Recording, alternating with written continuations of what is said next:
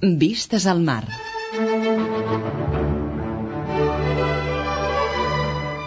Vistes al mar. Una mirada als nostres músics.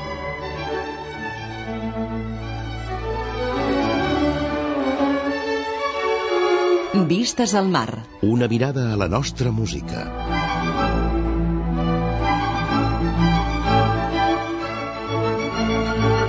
Vistes al mar. La música i els músics que han fet història al nostre país. Vistes al mar. Un programa realitzat i presentat per Xavier Xavarria. Bona nit i benvinguts a una nova edició de Vistes al Mar, el programa que Catalunya Música dedica a la música catalana, a la música i als músics que han fet història al nostre país, però també als protagonistes de la vida musical d'avui dia, els que la dinamitzen i treballen dia rere dia des d'àmbits molt diversos. Per començar, rebeu una cordial salutació dels que fem el programa d'avui, Daniel Guinot a les vies de so i qui us parla, Xavier Xavarria.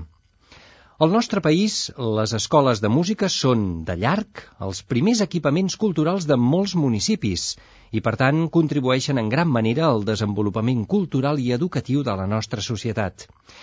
Les escoles de música fan una poderosa tasca en favor del món musical, no només pel fet de desvetllar i alimentar vocacions en nens i joves, de les escoles de música en surten futurs professionals, però també legions de melòmens, d'amateurs ben preparats que estimen, aprecien i saben valorar la música i que són la pedra de toc de la salut musical d'un país. I a Catalunya es dona la circumstància que cal tenir molt en compte – són les escoles de música d'iniciativa privada les que tenen major pes específic en matèria d'educació musical. El 75% dels estudiants de música d'aquest país van a escoles de música privades, escoles que en la major part dels casos no tenen cap mena d'ajut oficial. Per tant, podem deduir que estudiar música a Catalunya segueix sent un luxe. Per què passa això? Es pot canviar aquesta situació? Avui a Vistes al Mar en parlarem.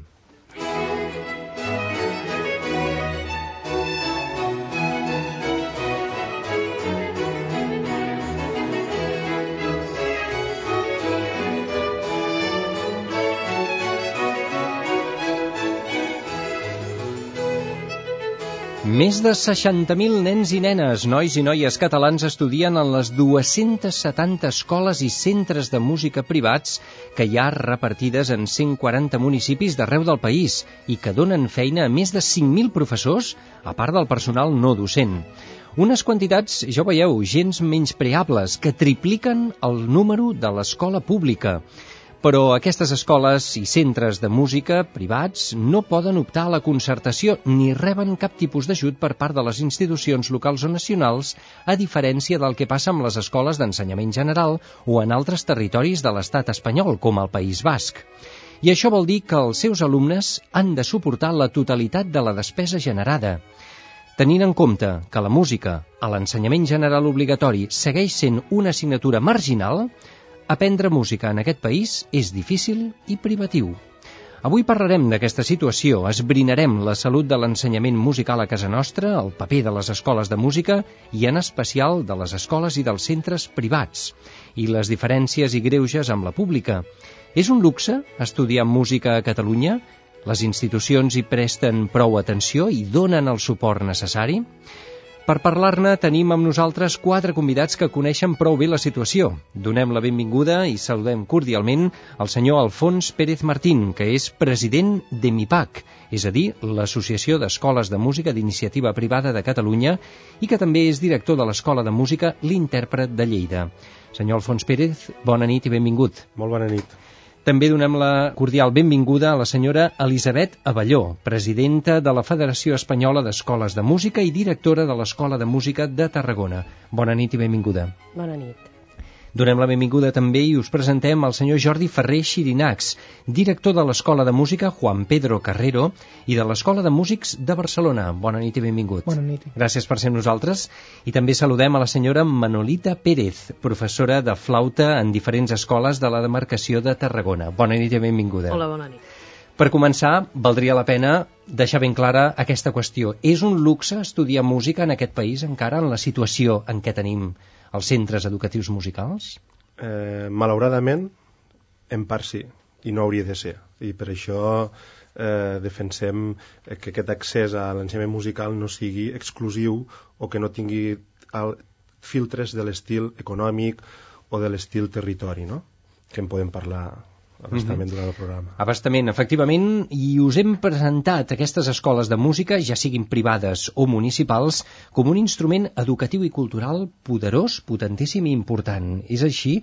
Realment eh, són un factor important a la nostra societat? Evidentment, perquè nosaltres eh, diríem que comencem l'ensenyament de la música en edats molt primerenques, i això fa que aquests alumnes que, que doncs, ja han començat amb nosaltres de tan petits jo crec que incorporen la música en el seu dia a dia, en la seva manera de viure, i crec que de tots eh, és conegut el benefici que la música reporta en tots els àmbits. Uh -huh. Estem parlant d'un ensenyament que no només busca formar professionals, gent que es dediqui professionalment, que visqui de la música en un futur, sinó també, senzillament, eh, crear amateurs molt ben formats i sobretot malòmens, no? Suposo que aniria per aquí. Exactament. Diríem que la finalitat principal de les escoles de música hauria de ser el fet d'acostar la música a tots els públics i independentment de quina sigui després la seva vocació o la seva professió en el futur.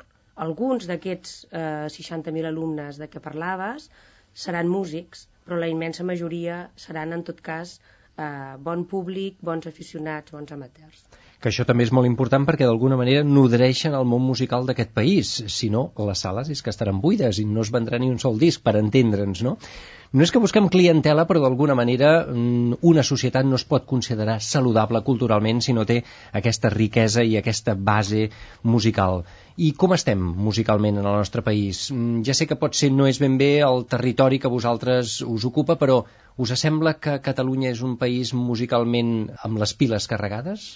creiem que Catalunya té molt bons talents, molt bona base, que hi ha molta gent que té moltes qualitats, però no hi ha potser les ajudes o els mitjans perquè aquests talents puguin sortir a la llum i sempre s'han de valorar quan surten fora del nostre país i això realment és una llàstima que tenint les condicions perquè actualment com diem aquí en el programa hi ha moltes escoles i una xarxa ja molt tupida d'escoles a Catalunya que poden fer sortir aquests, eh, aquesta gent que pot valdre molt en la música, no tinguin els ajuts necessaris perquè arribin a, a, a la seva fita final, no? que és molt important.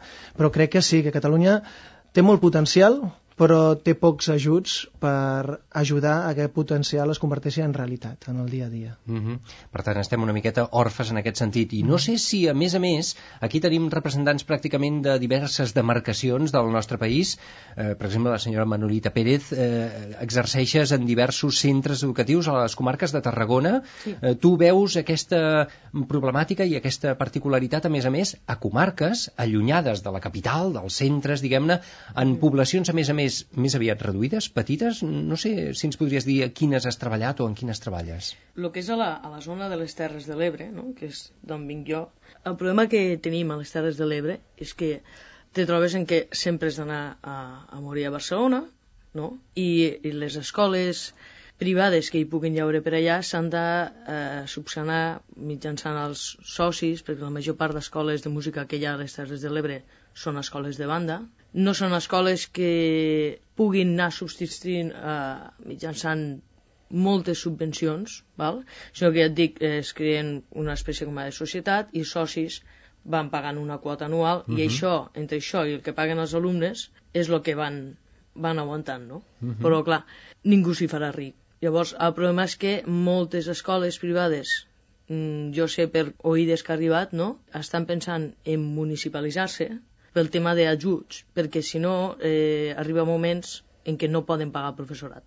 Així de clar, no? No és el mateix estar, per exemple, a, a, a l'escola de Santa Bàrbara, que és un poble petit de, de les Terres de l'Ebre. Amb molt pocs habitants. Amb molt pocs habitants. Home, és meritori que tingui una escola de música també, no? Sí, també n'hi ha eh? una altra Mas d'Envers, que encara és més petit. Ah, sí? Vull dir, mm. Llavors no és el mateix estar en un poble així que estar, per exemple, a Tarragona, on tens més possibilitat de, d'acció, no? perquè hi ha moltíssima més gent. Llavors, clar, aquesta gent veuen que no poden subsistir, que estan caient i que més d'un cop ens han vingut els professors, ens han dit xiquets no us podem pagar. Uh -huh. El mes que ve, aviam si podem pagar.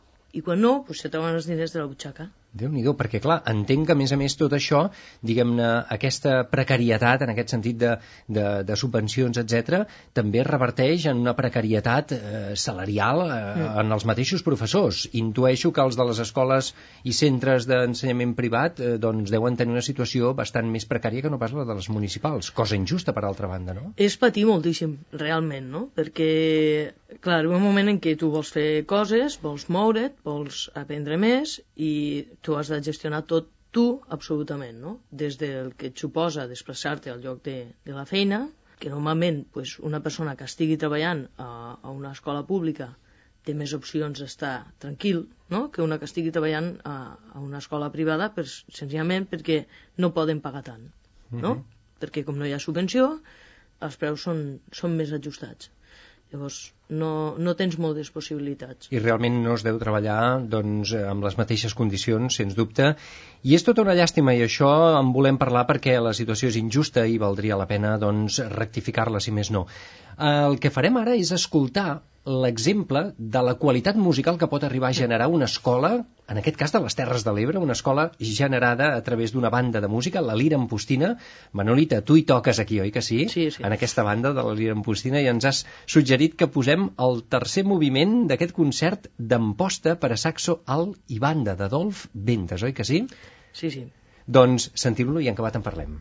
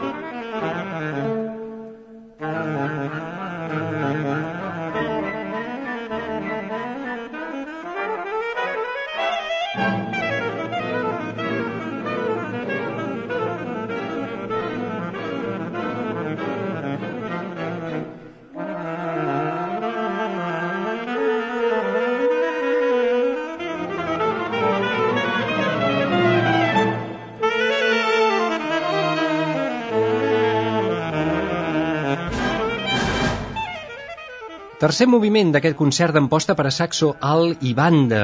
És eh, Adolf Ventes, l'autor, i també el solista. Adolf Ventes toca de solista, oi que sí, aquí Sí, sí. Manolita? Tu toques en la banda, pròpiament, i dirigeix Octavi Ruiz. Quina banda més potent i més poderosa? I ha sorgit de l'escola de música o viceversa? És l'escola de música que va sorgir després, diguem-ne, de, de, de crear-se la banda? No sé si... Aviam, la banda es va crear, si no recordo mal, el 1916, Mhm. val? Perquè llavors hi havia la tradició dels valencians que venien a, a treballar les terres de l'arròs Uh -huh. i com que s'estaven llargues temporades, bueno, pues, s'anaven ajuntant i anaven tocant. I a partir d'aquí pues, va ser quan se va començar a, a crear tot una mica, no? els ensenyaments i tot Sí. plegat. Per tant, primer va néixer la banda i després es va generar aquesta escola de música que té una activitat extraordinària i a més a més té la seva competència a la mateixa vila d'Amposta, eh, que sí? Sí, no els sí, hem de sí. desdanyar. La fila, eh, la filarmònica també, déu nhi Avui parlem d'aquestes escoles de música que nodreixen el món musical del nostre país i valdria la pena fer-ne una petita radiografia. A veure, Mm. eh, quin és el perfil d'aquestes escoles de música? Quantes n'hi ha a Catalunya?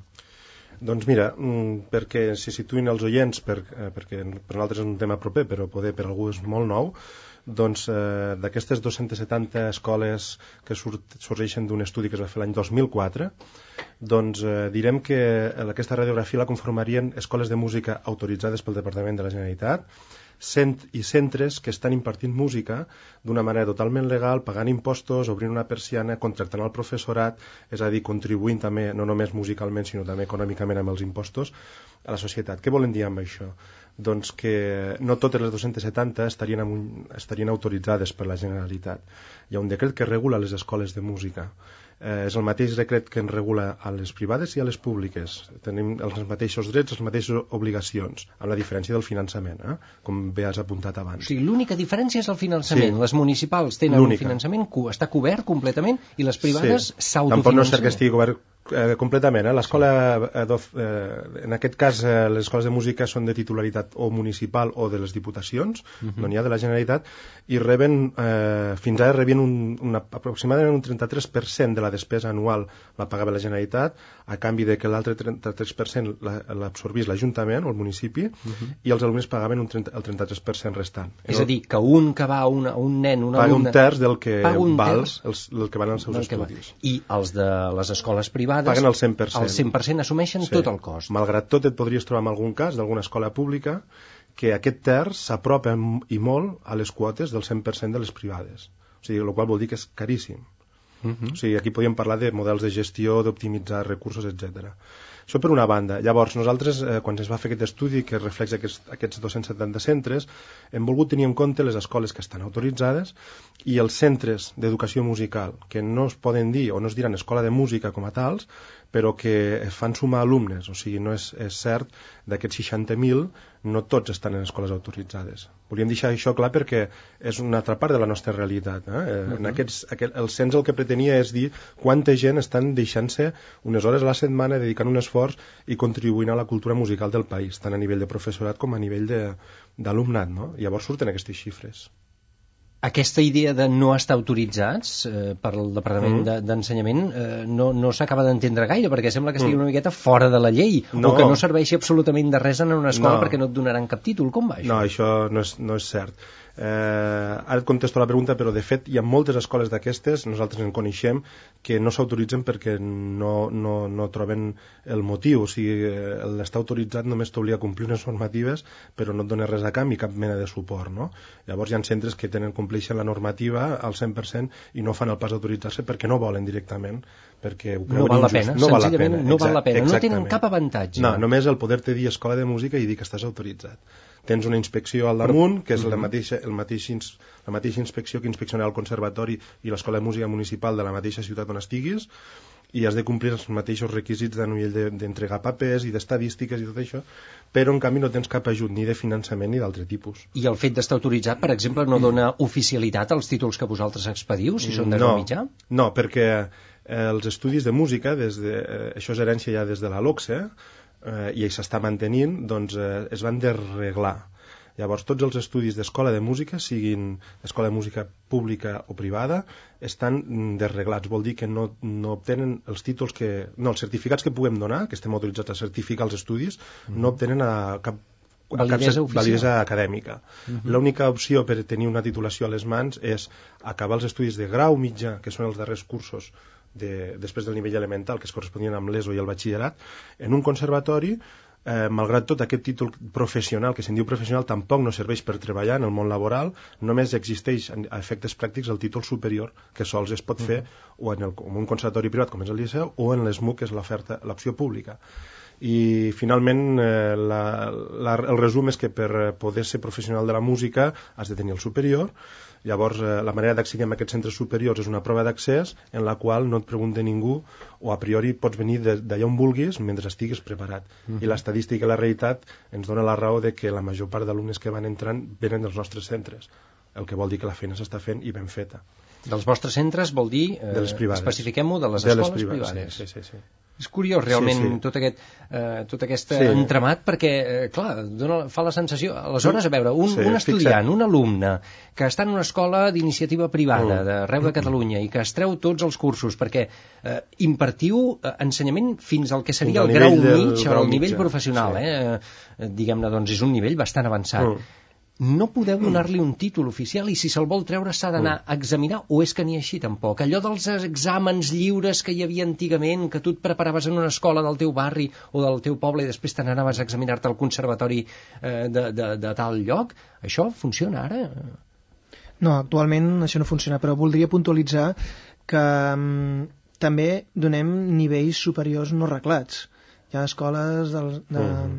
d'escoles d'aquí de Barcelona i altres llocs de Catalunya Privades? privades, sí. De nivell superior. Sí, Estic sí, pensant, sí. per exemple, al Conservatori del Liceu, seria un cas? Bueno, sí, eh, com per exemple, el Conservatori Ella del Liceu... refereix a no reglats. a no reglats. Escoles de música que ofereixen ensenyaments d'aquest nivell. D'aquest nivell no reglades, un exemple podria ser amb el món de la música moderna, el taller de músics, o altres entitats a la, arreu de Catalunya que també donen signatures de superior i que podrien eh, ensenyar al nivell eh, superior però de no, de no de forma reglada. És val? a dir, els esteu donant un ensenyament de, diguem-ne, de nivell superior, però no podeu donar cap mena de, de títol oficial, sinó només un certificat i enviar-los a que s'examinin a un centre oficial? No, ni això. Ni Vull això? Dir, ni això, perquè no poden anar a un centre com l'ESMUC o el Conservatori Superior del Liceu a examinar-se simplement i treure una titulació. No, han d'accedir a una prova d'accés i entrar-hi. Han de cursar. Han de És cursar. a dir, han de fer els cursos. els, com a mínim els quatre cursos mínims que s'han de fer de grau superior.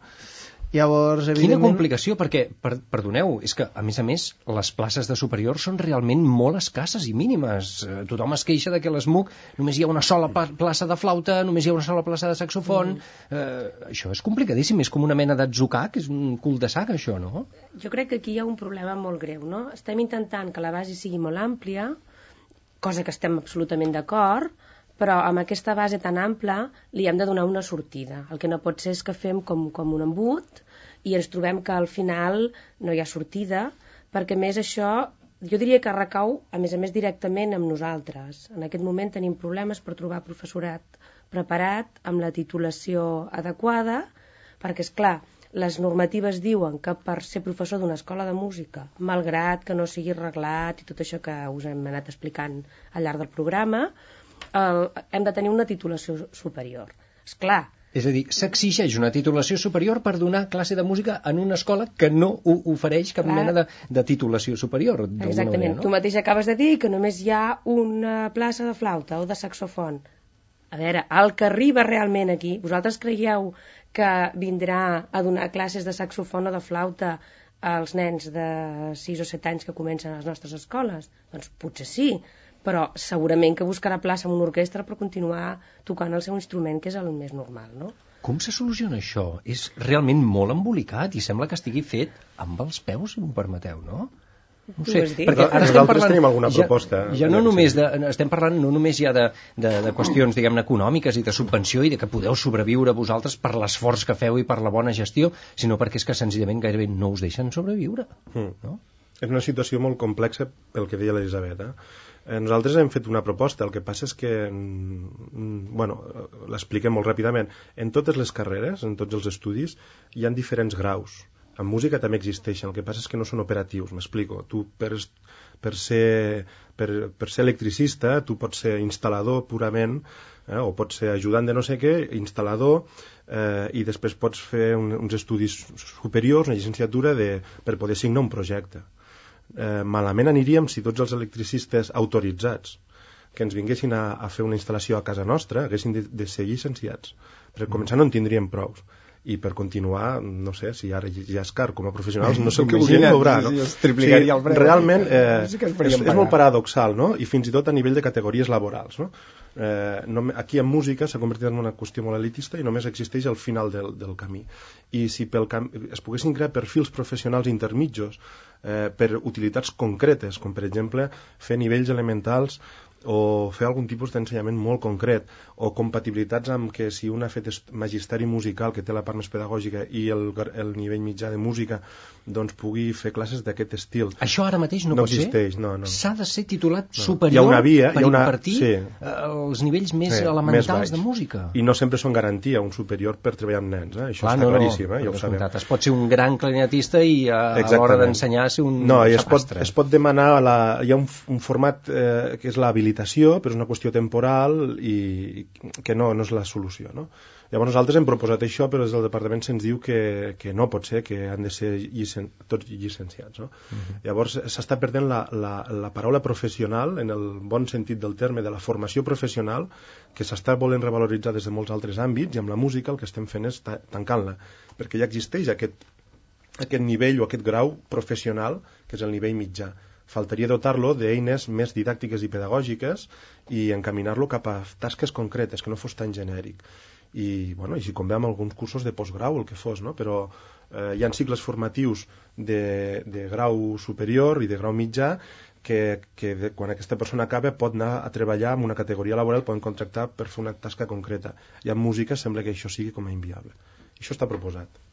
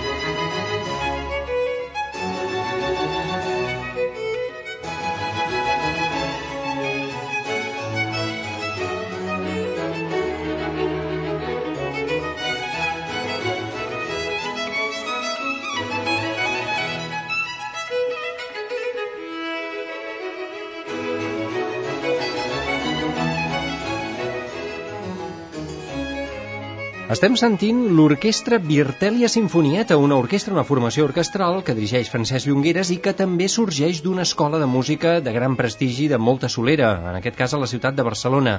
Ja veieu que dona molt bon resultat això de l'ensenyament també, i especialment a les escoles privades que d'alguna manera busquen reivindicar-se amb totes aquestes propostes que les treguin una miqueta d'aquest atzucac que us estem presentant al programa Vistes al Mar d'avui. Estàvem i reprenem una miqueta el fil presentant-vos el perfil de tots aquests alumnes, de l'alumnat i del professorat també, que hi ha les escoles de música i centres que ensenyen música d'iniciativa privada a Catalunya. Abans de parlar dels alumnes, deduïm, doncs, que l'exigència de que la titulació sigui superior, també d'aquests professors, vol dir que el nivell és idèntic, és a dir, és equiparable al nivell de les escoles municipals i al de les privades? és equiparable i no només això, en, en molts casos eh, superior, depèn del que entenguem per nivell. Això courà més d'un, eh? Això que acabes de sí. dir. Pot coure. No, no, el que, nosaltres el que defensem i el que proposem és que el, els criteris de nivell es, estiguin amb, amb un paràmetre de qualitat que siguin iguals per a tothom, independentment de si és públic, privat, petit, gran... Es poden complir uns objectius i es poden fer les coses... Les coses només se poden fer de dues maneres o bé o malament. Llavors, és, e, és independent de la titularitat i, i una mica dependrà de l'equip, del projecte, de la il·lusió. Llavors, el perfil de l'Escola de Música Iniciativa Privada eh, necessàriament o, o té una característica molt, molt concreta i és que la, la majoria d'escoles s'han creat a partir d'un músic que ha volgut dur a terme un projecte educatiu propi amb, amb el risc que comporta la llibertat però també amb el perill, no? Uh -huh. I això ha donat a aquestes escoles de música que per, per subsistència, supervivència, instint de sobreviure, eh, s'han anat adaptant als canvis i moltes vegades han provocat els canvis, que això és el que defensem. L'escola, la iniciativa privada, en molts casos ha estat la pionera en proposar noves tendències, noves metodologies, eh, nous elements de treball amb la música. Eh, un cas flagrant és el tema de la música moderna, quan, que ara tot just es recull a nivell, a, a nivell curricular, però a Barcelona mateix ja fa 30 anys que s'està impartint dels primers llocs d'Espanya, de, de, no? O sigui que l'escola d'iniciativa privada, bé sigui per inquietud, que també, o per subsistència, per instint de sobreviure, eh, ha innovat. I això fa que els seus alumnes estiguin més ben preparats. Uh mhm. -huh. Penseu que qualsevol dels que estem aquí no ens podem plantejar de crear la, tax, la tasca faraònica que és eh, dur a terme un projecte com una escola de música eh, acceptant un fracàs escolar del 97%. L'estadística diu que només un 3% acabaran sent professionals. Això ho estem parlant abans, i, ja, i és normal.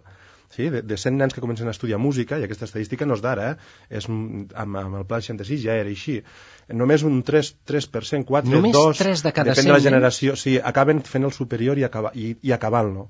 Llavors, eh, eh, si jo monto tota una estructura per acceptar que el 97% se fracassaran, com a, com a iniciativa privada sobretot i com a qüestió moral, doncs la veritat és que és una mica suïcida. No és sí, així. Sí, sí. La veritat és que les nostres escoles pensen amb els 97 nens que algun dia seran metges o alcaldes o, o escombraires, és igual. Però que sabran I, tocar el violí, i sí, ser. i que aniran a les sales de concerts i que consumiran música de manera eh, intel·ligent sí, sí, sí. i seran eh, exigents amb el que escolten. Això és el que han de format, fer. Exacte. Llavors això vol dir que tot el pla d'estudis i tota l'educació que els intentem transmetre ha d'anar eh, molt vinculada amb això, no vinculada només a quan seràs professional o quan faràs aquell examen.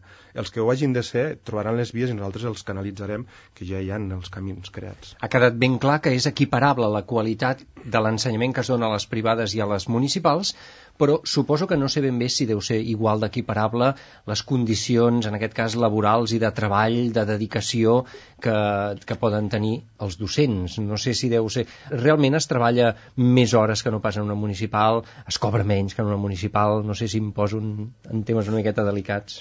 Jo diria que mm, ser genèric amb aquest tema és molt difícil, perquè si bé les escoles de música d'iniciativa privada ens regim tots pel conveni d'ensenyament de la Generalitat de Catalunya, per tant, diríem que el marc de totes les escoles d'iniciativa privada és el mateix, com a molt pots aplicar el conveni o bé millorar-lo. En canvi, en les escoles municipals, eh, cada ajuntament té el seu propi conveni laboral i, per tant, es fa molt difícil. Feta aquesta puntualització, el que sí que està clar és que l'escola de música, com molt bé deia l'Alfons, per eh, aconseguir eh, aquesta qualitat ha de ser eh, amb una gestió molt, molt, molt estricta, molt, molt clara. No? Llavors, eh, nosaltres voldríem que els nostres professors eh, estiguessin més ben pagats del que estan, però només amb el recurs dels propis alumnes o pares dels alumnes que eh, són els que paguen el 100% de la quota, és, és molt difícil estirar més el braç que la màniga. Ah, perquè no? llavors seria uns preus caríssims Exacte. per estudiar música, allò que dèiem del luxe, no? convertir uh -huh. l'estudi de la música en un luxe, i no és possible, no Exacte. és això. Eh, res més lluny de, de la nostra voluntat, nosaltres voldríem que realment la música arribés a tothom i crec que totes les escoles d'iniciativa privada, fins i tot alguna vegada bequen els seus alumnes, directament perquè és un alumne doncs, amb qualitat i amb algunes dificultats econòmiques. Per tant, ja que l'administració no ho cobreix, nosaltres mateixos de vegades ho cobrim, i, i realment el que nosaltres voldríem és que, que, que aquella gent que truca a la nostra porta i que quan veu el llistat de preus se'n va, mm. doncs es pogués quedar. No? Mm. Això també seria molt, molt important per nosaltres, no? Perquè, com bé ha dit l'Alfons, eh, nosaltres som músics, que hem creat les nostres escoles per poder dur a terme el nostre projecte educatiu, no pas per enriquir-nos, perquè si haguéssim volgut fer això haguéssim muntat qualsevol altre negoci, però no pas aquest. No pas una escola de música. No, no, això està claríssim. I, I, per tant, és per això que nosaltres d'alguna manera demandem a l'administració que ens tingui en compte, perquè amb tots els anys d'experiència que tenim, eh, malgrat ser músics, ens hem convertit en bons gestors i pensem que és una llàstima que aquesta bona gestió no pugui tenir ajut per tal de fer que eh, la música arribi a tota la població, diríem. I parlant de gestió, els alumnes de les escoles d'iniciativa privada, que suporten el 100% del cost d'aquella escola, surten més cars que els alumnes de les escoles municipals? Com va això? Està igualment ben gestionada un àmbit que l'altre? A veure, jo crec que si miréssim els números fredament, arribaríem que el cost si els, a veure, el cost final d'un alumne seria exactament igual en una pública i una privada si es mirés que el professor es cobrés el mateix, que els espais fossin exactament els mateixos. Si totes aquestes condicions uh mhm. -huh. fossin les mateixes, evidentment els costos jo crec que arribaríem al mateix acord, que és aproximadament igual. L'única diferència és que en la privada els costos és molt més baixos, per, per quin motiu?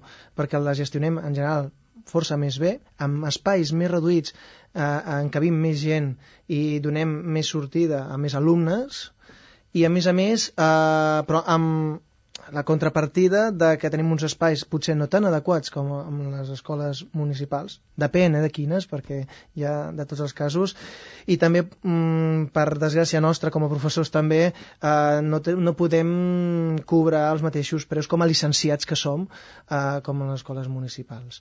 Però això, també aquí tinc, tenim una companya que treballa en altres escoles públiques i també, pel que m'ha explicat, no cobren els mateixos preus tampoc en la pública que en algunes privades privades, o sigui, en algunes privades cobren millor que en algunes públiques. Però bueno, tot això és molt relatiu. El que voldria concretar és que en l'any en estudis que van fer la MIPAC el 2004 el cost mitjà d'un alumne any seria de 720 euros i en un altre estudi de la Diputació mmm, del 2005, que és de les dates aproximades, era sortia de 1.598 euros anuals. És a dir, el doble? Sí, el doble, però a més a més en les públiques no hi ha el cost d'infraestructures i en les privades sí.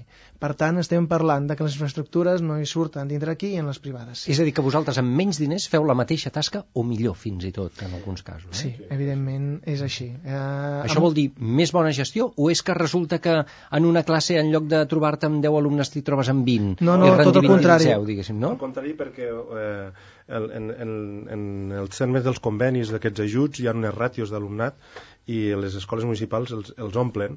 I, I nosaltres normalment... a respectar aquesta no, no, nos, nosaltres, per, en general, les escoles de música ens autorregulem i normalment els nostres grups són més reduïts que els de la pública, mm. normalment, habitualment i, i és així, és així. Mm -hmm. Per tant, és una millor gestió, senzillament. Res bueno, millor gestió... I la suma del que ha dit el Jordi, I, bueno, eh, del sou. I el que, sí, i el que ha dit clarament els nostres companys és la dedicació. Nosaltres dediquem el 100% del nostre temps de forma altruista i, i això es nota. Vull dir, no crec que hi hagi directors d'escoles municipals que estiguin les 24 hores del dia per tots els termes de l'escola.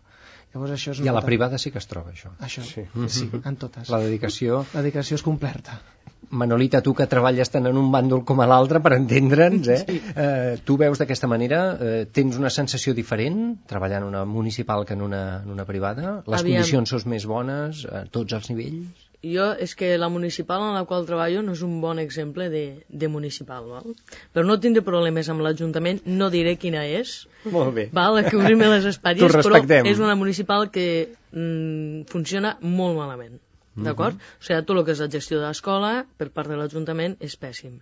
Llavors, eh, jo en quant a... Perdó, cosa que en una privada seria impossible que passés perquè se n'aniria a Norris, eh? directament. Sí, sí, sí. Però, per exemple, jo en quant a, a professorat puc dir que faig les classes igual en una escola municipal que les faig en una escola privada, no?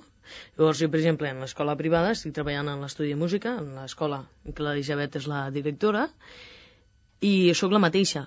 Faig les classes de la mateixa manera, tracto igual, igual amb els mm -hmm. nens, val?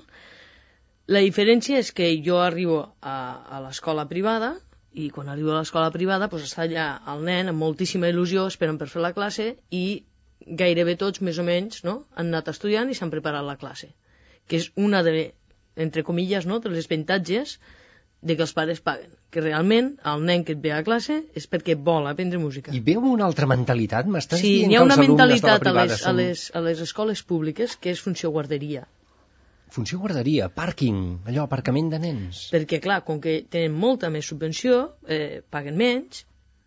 I surt a compte. Surt a compte, dius... Mira, poses el per dir alguna cosa, eh? Sí, per sí. dir alguna cosa, fico un exemple. Pagues 50 euros al mes i resulta que durant tres dies a la setmana està el nen ocupat una hora i mitja cada, I cada li ensenya a tocar un... De passo de que el tinc allà, me'l tenen controlat i jo puc continuar fent les meves compres. I, per tant, la, la predisposició dels propis alumnes, ja no només dels pares, sinó dels alumnes, és diferent? Tu ho notes, això? Sí, se nota, se nota. És, és, és una llàstima, és una llàstima perquè, clar, realment és la manera en la que podrien aprendre una professió que és molt bonica, que et mos de gana, però és molt bonica, val? perquè és, és així, val? i tindrien unes facilitats per aprendre-la que no les, no les estan aprofitant. No? En canvi, els, els nens de la privada veus que sí que et venen havent estudiat perquè els pares són els primers que ja s'hi posen dient ostres, tu, si jo tinc que pagar per dir alguna 100 euros, no? ja fiquem el doble, no fiquem el triple, perquè la és el- diferència seria esta, el que serien podria 150, ser, no? El triple. pues, ostres, si jo tinc que pagar 100 euros cada mes, o el nen estudia, o el nen se'n va cap a casa. Exacte. Val? Però els professionals el que fem és exactament el mateix. Jo no sóc més bona a l'estudi de música que no pas a l'escola municipal. Uh -huh. Sóc la mateixa.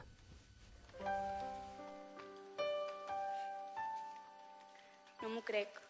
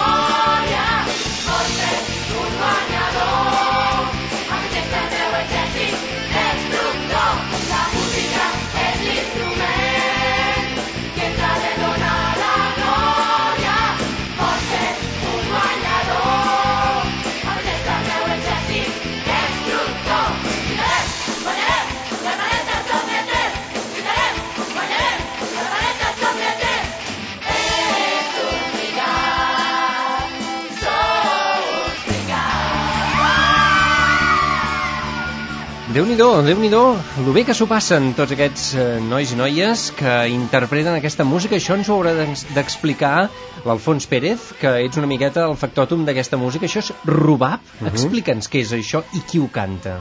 Rubab, el misteri de l'instrument prohibit. Això és el títol? Sí, sí. Una mena és d'òpera un, infantil? és un musical, Un eh? musical. en aquest cas és un musical de tall modern, una obra de teatre musical inèdit que vam fer l'any passat i, i que es va representar, es van fer sis funcions. A l'escola sí, de a música celebrant el desè aniversari de la nostra escola. Sí. L'escola L'Intèrpret De Lleida. De Lleida. Sí. Uh -huh. I és un musical eh, eh, interpretat íntegrament per alumnes.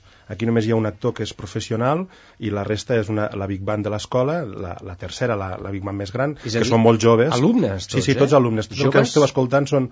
La Big Band eh, són nens d'entre 11 i 15 anys. Uh -huh. La, la Big Band que esteu escoltant aquí. Sí, sí. I els cantants i els actors tots són alumnes d'instrument que van fer el càsting i, i eh, van cantar i van actuar i van treballar durant tot un any aquesta vessant que no és pròpia de, de, de, la, de la seva especialitat instrumental. O sigui, aquí tenim nens que sentíeu cantar doncs, que són violinistes, pianistes, cellistes...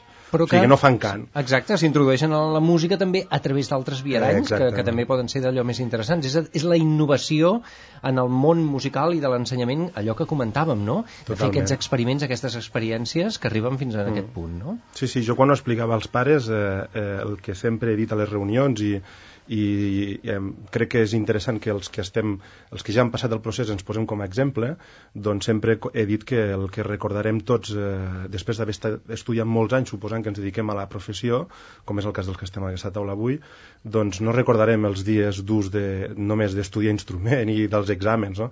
recordarem l'intercanvi a Alemanya o, o el dia que vam poder tocar al Palau o el concert o aquell espectacle que vam fer.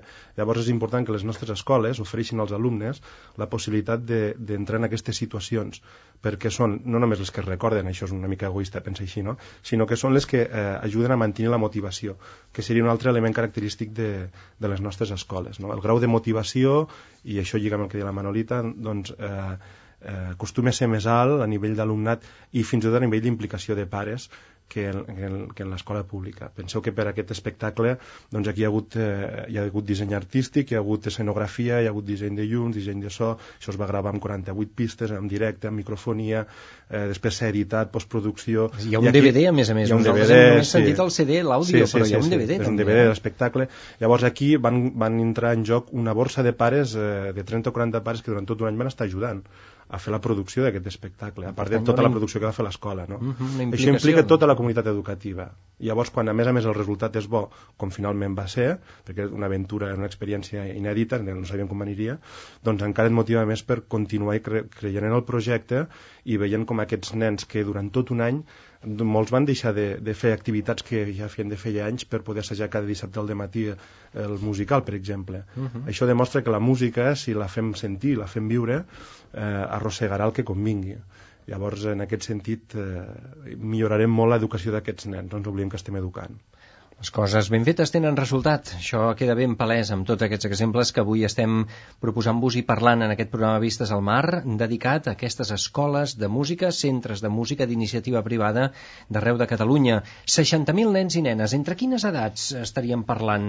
Parlem de, de nens gairebé des dels 2, 3, 4 anys, pot ser? Bé, jo sempre dic que parlem des del 0 fins a l'infinit. Zero fins a l'infinit? Sí. És a dir, teniu adults també? Sí, sí, tenim adults i tenim Sí, sí. gent gran. Gent Eh? gran, sí La Manolita té una alumna que té... Bona... 89 anys o... 89. I què estudies, si es pot saber? Vull dir, flauta, no, clarinet, no, no, clar... No, no, tu- els hi faig una assignatura que és, de, és audició, bàsicament, que és que són... Els hi faig una assignatura que és d'audició, que és que són gent gran, que no en tenen ni idea de música, i Sí. que no els importa saber tocar el piano o el violí o no sé què, sinó que volen és gaudir.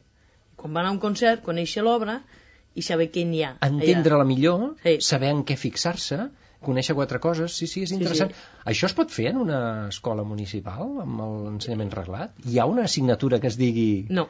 Audició Vaja. musical per... per... No, com a assignatura no, però en, en el tema de les edats, en escola de música, si volen ho poden oferir. O sigui, normativament està, com, Està està contemplat. contemplat que són, són estudis no reglats i que no hi ha límit d'edat en un principi. El que sí que tenen límit d'edat ells a nivell de funcionament és a l'hora- de rebre ajuts. Està limitat des d'una edat fins a una edat. Però ells poden fer programes per adults, poden fer el que vulguin. Una altra cosa és que ho facin. Ah, és que que no es fa no- massa. no ho fan. No es fa. Ha de ser molt gratificant tenir alumnes que venen amb aquesta ànsia d'aprendre i de passar-s'ho bé amb la música, no, Manolita? Sí, sí, sí. És molt... És, és, és un goig, realment. Però suposem que la majoria d'aquests 60.000 alumnes no tenen aquestes edats. No, No, no, jo ho he explicat, no, perquè, perquè és bo saber-ho Sí, i perquè penso que també és bo que se sàpiga que també tenim molts adults, no tan grans, però molts adults, com nosaltres, que quan acaben la seva feina habitual, doncs venen a l'escola de música a tocar l'instrument que havien après de petits o a aprendre un instrument nou, perquè no oblidem que hi ha moltíssima població que no va tenir accés als estudis de música quan ells eren petits. Que eren realment elitistes. Eh? Clar, Sí, és que realment. Mm. no, no, no hi havia possibilitats, no hi havia gaires escoles, no hi havia... Eh, no, no es coneixia gaire, no? Mhm. Llavors hi ha moltíssima gent que és completament, diríem, analfabet en música, no? Llavors hi ha gent que en el moment que sigui de la seva vida té, té el coquet aquest i vol fer-ho. Llavors, suposo que, com que nosaltres eh, no depenem de finançaments, eh, no depenem de, de pressions exteriors, doncs també nosaltres eh, ens és més fàcil de, de tenir aquests alumnes Mhm. i jo diria que també ens ajuda una mica a portar aquesta gestió de l'escola perquè moltes vegades aquests alumnes són els que poden venir amb hores en què els nens no poden venir, sigui perquè són hores en què els nens estan a escola, exacte. sigui perquè és molt tard a la nit, és a dir, ens ajuden també a... Ampliar el ventall d'horaris, no? I l'activitat fer-la una miqueta més dilatada. Sí, perquè clar, un dels problemes que tenim nosaltres és que, per dir-ho d'alguna manera, la nostra activitat funciona entre quarts de sis i quarts de nou, quarts de deu del vespre, que és quan els nens estan lliures. Llavors, s'ha d'intentar buscar solucions imaginatives per eh, aquesta franja tan curta, intentar ampliar-la al màxim, Mhm. perquè és una de les maneres de gestionar millor. No?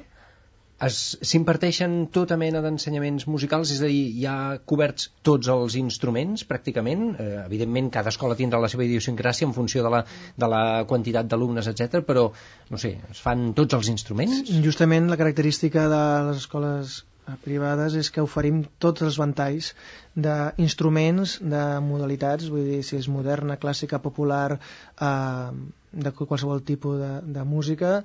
També, a part de les edats, a tot tipus de gent, vull dir, de tots els països, i donem una obertura en tots els programes, vull dir, introduïm les noves tecnologies, normalment, i intentem que siguin al màxim d'atractives, actives i que disfrutin de la música, que visquin la música. Creiem que la música s'ha de viure, s'ha de tocar dia a dia, vull dir, no és allò com jo antigament estava al conservatori i em deien, quan sàpigues molt bé aquesta peça la tocaràs en públic. Però és que no arribava mai aquell dia, perquè la perfecció no existeix. Mm. Si som bons músics, jo coneixia Richter i em deia no, i una peça la començo a dominar després de 10 anys de treballar-la. No vol dir que la toqués bé a partir de 10 anys d'estudiar-la, no, vol dir que la començava a madurar i la tenia feta seva al cap de 10 anys evidentment, és un, és un treball. La música no és una cosa matemàtica que dius ja està acabada, és així és perfecta per tota la vida, al revés. Dia a dia ens hem d'anar superant i s'ha de millorar. Però com ho hem de fer? tocant. Tocant i disfrutant de la música, com ha dit molt bé l'Alfons. I això és la importància de mm, anar a concerts, eh, tocar en espais importants, com ha dit, pot ser al Palau, a l'Auditori de Lleida, a Tarragona, qualsevol auditori o qualsevol lloc, encara al carrer, el carrer també és un lloc molt important, que per exemple els dies de la música, el 21 de juny, eh, normalment la majoria de les escoles sortim al carrer i toquem. I una de les coses que fa l'escola de música i que és molt important és que crea un teixit dintre del barri, dintre de la població o dintre de, mm, del districte, en concret en Barcelona, amb totes les entitats del, del, del barri, no? Vull dir, en el cas concret, per exemple, amb els CEIPs, fent activitats pels CEIPs, eh, en els auditoris o en, no sé, per exemple, a les galeries d'art, en aquest de Barcelona moltes vegades, es fan uns cicles de concerts, eh, activitats per la gent gran, perquè puguin, amb les entitats eh, folclòriques de cada un dels districtes o de poblacions. Per tant, fem un entramat molt bàsic. Llavors el que les escoles de música demanem és que ja que hem fet aquest entramat, aquest esforç sense cap ajut, que mm, ens tinguin en compte eh, amb aquest entramat ja assistent i no començar a posar noves escoles municipals o a escoles, entre cometes, públiques sense tenir en compte l'oferta que ja existeix. Perquè és com tenir una xarxa i començar a cremar-la. Vull dir, per, i posant simplement un espai. Ho dic perquè, eh, per exemple, aquí a Barcelona o altres llocs de Catalunya hi ha la política d'introduir una escola municipal a cada un dels districtes o barris o poblacions. Introduir-la és crear-la de nou? No, Crear-les de noves, nova. fer-les de noves i És a dir, més competència, si m'ho permeteu. Sí, sí, no? més competència, a més, amb els diners de tots. Uh -huh. Perquè, a veure, no és un ensenyament obligatori, tornem a, dir-ho, no? I s'estan creant unes escoles mm, municipals o públiques en el que es fan amb els diners de tots els contribuents, però solament són per uns quants contribuents. Uh -huh. Llavors jo crec que primer s'hauria d'ajudar a lo que ja existeix i si la demanda és més gran, endavant. Nosaltres no estem en contra de que hi hagi oferta, però tenint en compte la que ja, ja existeix. Podríem dir que l'ambició de moltes escoles privades a Catalunya és convertir-se en municipals, d'alguna manera, i sanejar la seva, la seva no. infraestructura, el seu la, funcionament. la justícia seria no és que ens convertim en municipals, sinó que tots els nens que puguin fer música tinguin En la, igualtat de la igualtat de condicions. condicions per accedir-hi al lloc que vulguin. Tant és si és municipal com privada, però tenir les mateixes opcions. Igual que hi ha una xarxa d'ensenyaments generals, tant privats com públics, i que pot un alumne accedir a qualsevol d'aquests ensenyaments, doncs en la música exactament igual. Llavors, que tinguin els mateixos recursos. Mira, la Generalitat diu actualment que tenen pensat donar 600 euros a cada un dels alumnes de... que faci música en una escola municipal per què no als altres? Que no Mm. paguem impostos als altres? Exacte. Veritat que sí? Déu-n'hi-do. llavors, n- jo no ho entenc. Jo vull dir, això és un greuge comparatiu molt gran i llavors el que hem d'intentar és fer veure a la, a la Generalitat i als ajuntaments que nosaltres no som caps dimonis, que estem fent la nostra feina amb molt de gust i que lluitarem per aconseguir que tothom pugui accedir a la música de forma lliure i igual.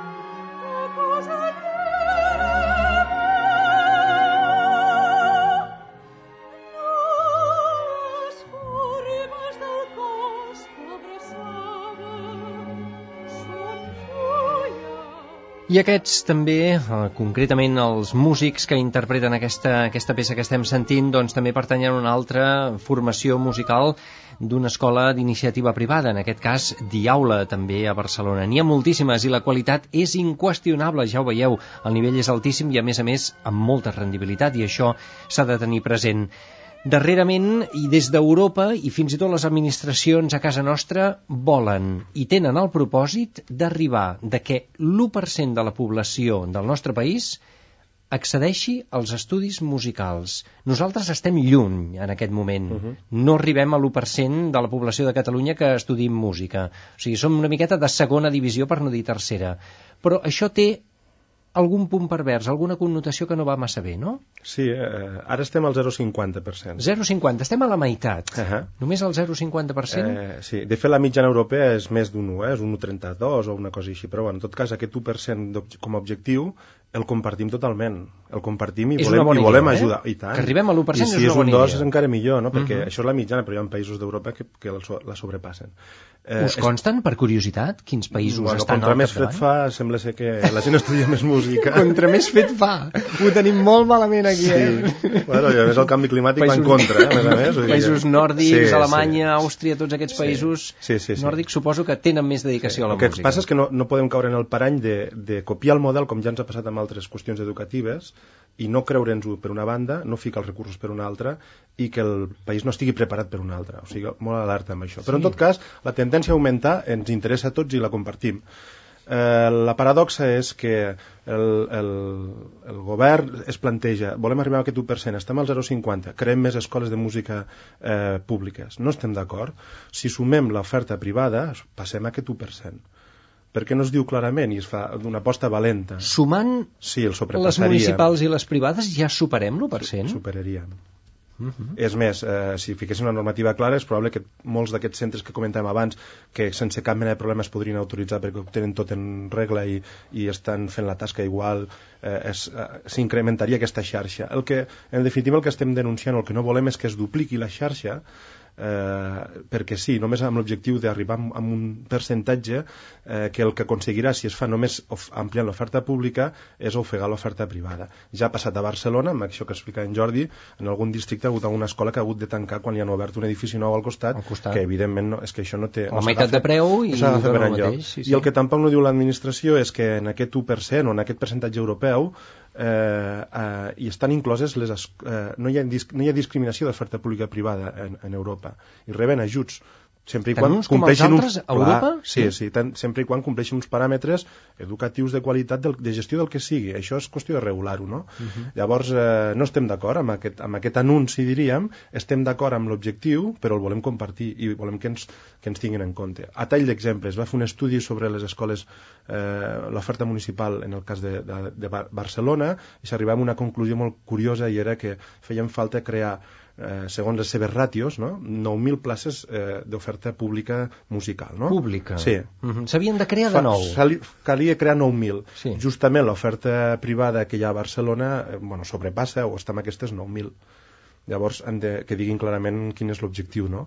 Si és creant una xarxa exclusiva a, a canvi de que- de- d'ofegar l'oferta privada o el que demanem nosaltres que ens integrin, que posin uns paràmetres clars i que també siguin valents i que aquests paràmetres es facin complir a tothom, no nosaltres només, a tothom. Criteris de qualitat, criteris de gestió i criteris de, de molts altres tipus d'àmbits que es poden valorar i baremar. I llavors potser ens trobem en el cas d'algunes públiques que no arribin als, als criteris i algunes privades que tampoc, no? però que sigui un...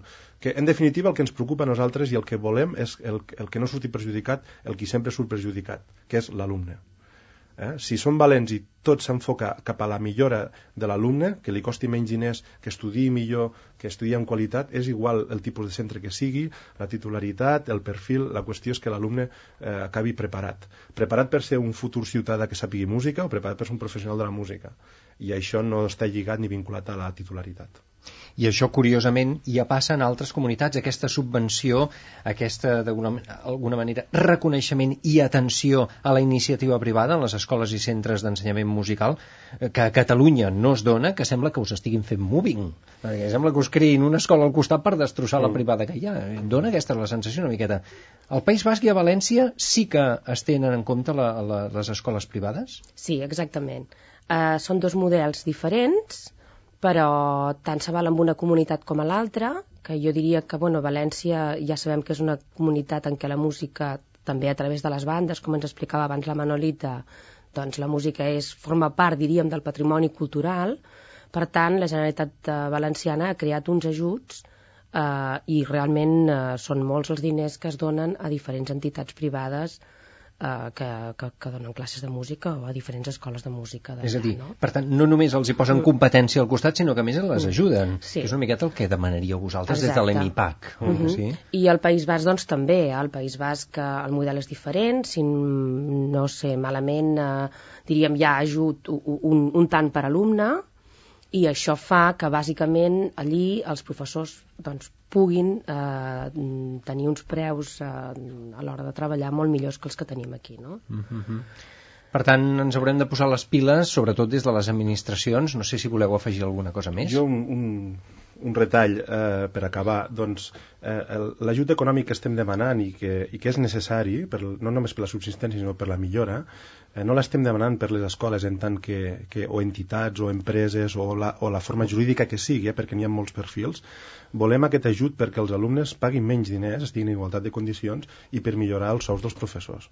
I això ha de quedar molt clar, no són uns diners que es demanen a fons perdut eh, I per fer poder, negoci, per per poder fer entendre'ns, negoci. eh? Sí, sí. Eh, les escoles de música tenen un perfil eh, doncs de subsistència, en el millor dels casos, i, i anem aguantant, i tot és un, un equilibri. Som uns malabaristes de, de les finances, no? perquè eh, podem incrementar una mica els preus a canvi de pagar més als professors i a canvi de poder pagar el lloguer de no sé què, i això tot va, va pujant. En definitiva, ho suporten els alumnes.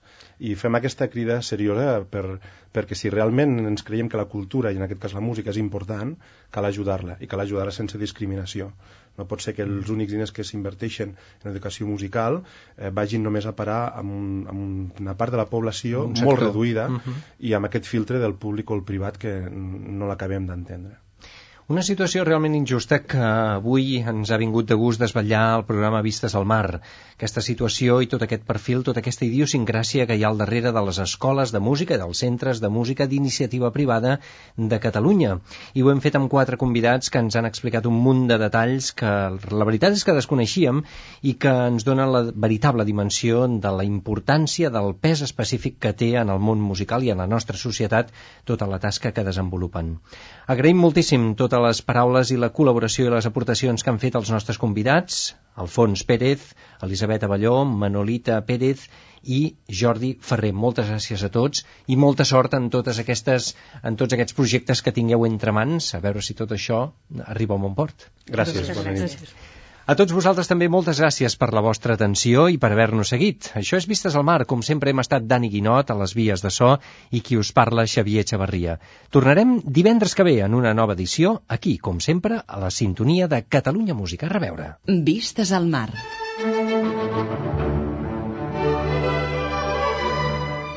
Vistes al mar. Una mirada als nostres músics.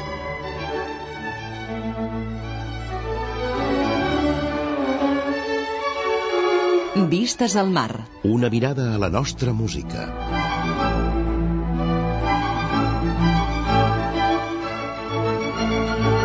Vistes al mar. La música i els músics que han fet història al nostre país. Vistes al mar. Un programa realitzat i presentat per Xavier Xavarria.